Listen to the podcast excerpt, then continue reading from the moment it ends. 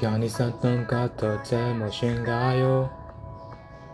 내 차가운 도시에 떳떳던 여전돼 그냥 좋아한다며도 안 되는가요? 솔직하게 나 말하고 싶어요. 사라져 아니 사라지지 마. 내맘 보여줘 아니 보여주지 마. 알아줘 머릿속에 네 미소만 우리 그냥 한번 만나볼래요 넌 눈부터 너른 감을 한번 타보거야 내 매일매일 내게 전화도 할 거야.